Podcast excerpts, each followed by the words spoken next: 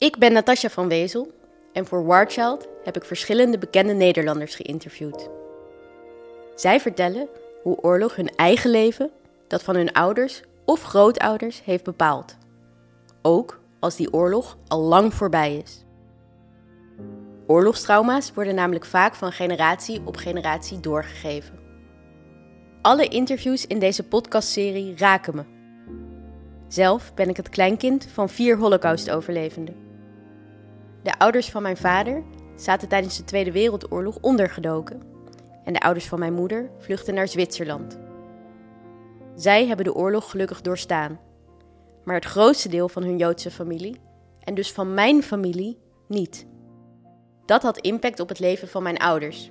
En ook mijn leven wordt vandaag de dag nog beïnvloed door een oorlog die 80 jaar geleden plaatsvond.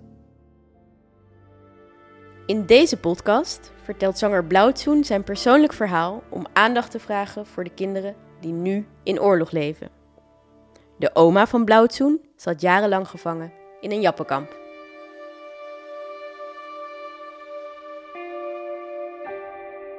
Mijn oma en eh, mijn opa zijn beide op, uh, in Indonesië geboren, op Java. Ik ken vooral de verhalen dat, zij, uh, dat de Japanners daar kwamen. En dat alle vrouwen van de mannen werden gescheiden. En dat zij in een, in een vrouwenkamp terechtkwam. Zij hadden een, een, een, zuster van het Rode Kruis. En die mocht ook in en uit het kamp. Um, en die zorgde echt goed voor die vooral jongere meiden. En dat deed ze door ervoor te zorgen dat mijn oma en ook haar zussen altijd onder de luizen zaten. En dan zou je zeggen, dat klinkt heel vreemd, maar dat was juist bedoeld als een soort redmiddel. Want de meiden die, die schoon waren, die gewassen waren, die geen luizen hadden, die werden aangerand en soms zelfs verkracht door de Japanse soldaten. Die, die dreiging, constante dreiging dat het wel eens mis zou kunnen gaan, ook nog eens in dat kamp waar je al vast zit die, uh, dat heeft wel indruk op me gemaakt. Uiteindelijk moesten de Indo's moesten kiezen. Wilden ze bij Nederland horen of bij de Indonesiërs horen? En die keuze werd hun gewoon voorgelegd. En het grootste deel van haar familie koos ervoor om bij Nederland te horen. Want ze hadden al Nederlandse roots. Uh, en en, en de, de mensen die daarvoor kozen, die gingen met de boot naar Nederland. Ik weet niet of dat iets typisch Indisch is. Daar heb ik het gevoel soms van wel. Dat er weinig open wordt gesproken over de oorlog. En naarmate mijn oma ouder werd, merkte ik dat de behoefte bij haar er juist heel erg was om, om die verhalen te vertellen. Um, en ze had ook een bovenmatig interesse voor uh, de oorlog in, in, het, in, in Europa. Terwijl zij die niet zelf heeft meegemaakt, omdat zij in Azië zat maar ook voor de, voor de kampen hier in Europa. Daar was ze altijd mee bezig, had ook veel Joodse vrienden en kennissen. Uh, zocht ook die mensen en die verhalen op een of andere manier altijd op, omdat ze zich daar heel erg mee verbonden voelden. Zij was bijvoorbeeld nog nooit in, in Auschwitz geweest. Ze wilde heel graag daar een keer heen. Ik was er ook nooit geweest toen. En toen ben ik samen met haar en tante, uh, zijn we daar een week geweest, of in, naar Polen geweest. En als we dan uh, daar een dagdeel waren geweest, wat best wel heftig was, ook voor haar, dan, dan merkte je gewoon, dan kwamen s'avonds alle verhalen los. Dus het was wel eh, ja, was een bijzondere reis. Ik weet zelfs nog dat ik haar thuis bracht, uh, van het vliegveld in Nederland terug naar, naar, naar Arnhem. Dat we langs, een, langs de Betuwe-lijn reden, dat is die spoorlijn, en die is helemaal afgeschermd met hekken. En dat ze zelfs in de auto ineens begon nog weer over het kamp omdat ze die hekken zag die de spoorlijn uh, bewaakten, zeg maar.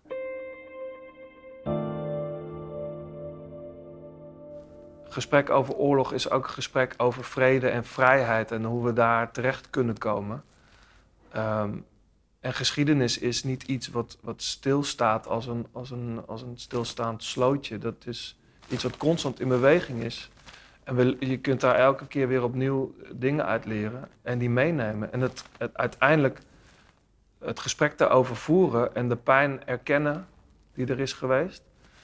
Uh, die, dat zorgt ervoor dat, dat, dat, dat als er wonden zijn, dat het geheeld wordt. Dat is heel belangrijk.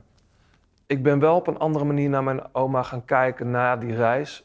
juist ook omdat ik iets meer begreep van, die, van de pijn die zij in het verleden heeft meegemaakt.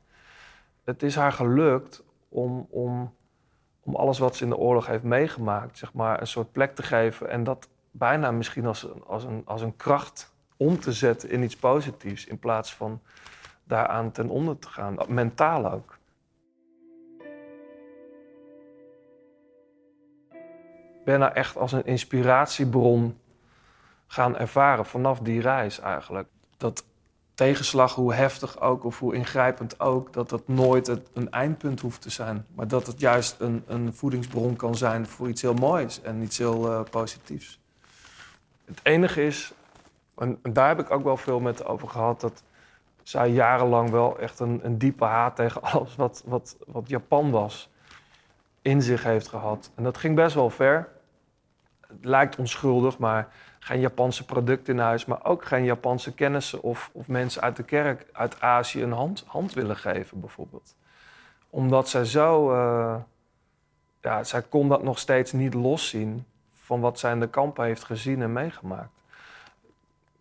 En ook daar heeft ze wel mee gedeeld of zo. Dat, dat um, het idee van de Japanners blijven haten brengt haar natuurlijk niet verder. Sterker nog, het is een, een, nieuw vorm, een nieuwe vorm van gevangenschap. Als haat je leidraad is, ja, dan ben je feitelijk nog niet helemaal vrij. Dus ze heeft een soort knop omgezet, waardoor ze zoiets had: ja, dit verlamt mij meer dan dat ik vrij ben. Dus ik moet, daar, ik moet daarmee stoppen.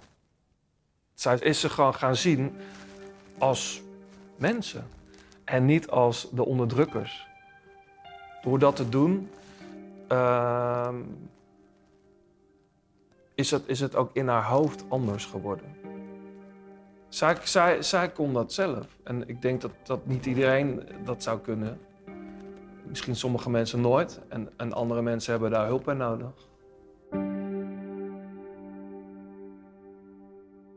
Je kunt je natuurlijk afvragen hoe wordt iemand zo?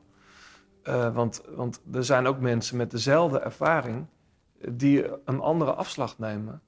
En die slachtoffer blijven. En ik heb bij haar nooit het gevoel gehad dat ze slachtoffer is gebleven. Dat heeft ze op een of andere uh, manier van zich afgeworpen. En dat is wel een levenskunst waar ik jaloers op ben. Dat is als je dat lukt. Maar het is niet vanzelfsprekend. Ik probeer met tegenslag om te gaan zoals mijn oma dat uh, altijd deed. Tegenslag eerder een, beginpunt is van iets moois dan dat het een eindpunt is. They won't either stay, won't be the stove.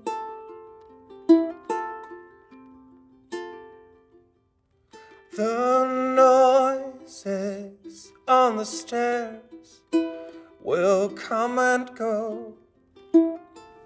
De kans is vrij groot dat oorlog van de eerste op tweede en derde en nog veel verder gaat. Dat, dat, dat er altijd iets van doorcijpelt of dat nou een levenshouding is, of pijn is, of verdriet. En er moet altijd iemand zijn in die generaties die die, die stroom van verdriet of pijn een andere kant op stuurt. Of een dam bouwt waardoor dat stopt en dat er iets anders begint. En ik heb denk ik het geluk gehad dat mijn oma die dam is geweest. Dus al vrij snel uh, misschien in de tweede generatie nog wel, maar dat, dat het nooit echt, de pijn van de oorlog nooit echt verder heeft kunnen komen. Uh, zeker niet tot die derde generatie. Want ik denk als, als mijn oma op een hele andere manier hiermee was omgegaan, was mijn vader een totaal andere man geworden, was ik een andere man geworden. Dus ik ben heel erg blij dat mijn, mijn opa en oma er op zo'n manier mee gedeeld hebben, dat, dat het. Um, geen blijvende schade heeft uh, achtergelaten. I will leave a light on close the gates of hell. Toen ik werd gevraagd voor de India-denking en zag ik al die oude veteranen, mensen die gevochten hebben en geleden ook in de oorlog. Toen zag ik eigenlijk die oude mannen voor me die in diep van binnen nog die kleine jongetjes zijn, die ook bang zijn en wakker worden van nachtmerries. En ik dacht, ja, dit is misschien wel een troostrijk lied. Uh, Wat op een of andere manier die kleine jongetjes daar in die soldatenpakken een soort van, uh, voor een soort van omhelzing kan zorgen. Figuurlijk.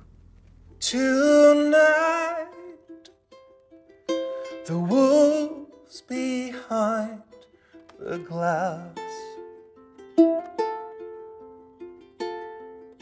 Sleep tight and lay your head to rest. Een paar van die mensen met van die generaals uh, pakken aan, met tranen over, over hun wangen. Om... Toen dacht ik, ja, dit is de goede keus geweest. Het zijn, het zijn in de kern net kleine jongetjes die bang zijn voor wolven nog steeds. En die ook een nachtmerries nog hebben uit die oorlog. You don't have to be afraid. Soon will be the break of day. The windows closed. Ik denk dat iedereen wel deelt met, met angsten of zorgen. En dan, dan helpt het heel erg als, als een lied iets van die zorgen kan wegnemen. Sleep tight. Ik denk dat spel en muziek, en dat, dat ligt soms best dicht bij elkaar, denk ik. Omdat uh, in spel, of dat nou sport is of wat dan ook, en in muziek is creativiteit natuurlijk het belangrijkste. En het feit dat je daarmee bezig kan zijn en, en een wereld kan creëren, of dat nou in een spel is of, of in de muziek, dat kan heel troostend zijn.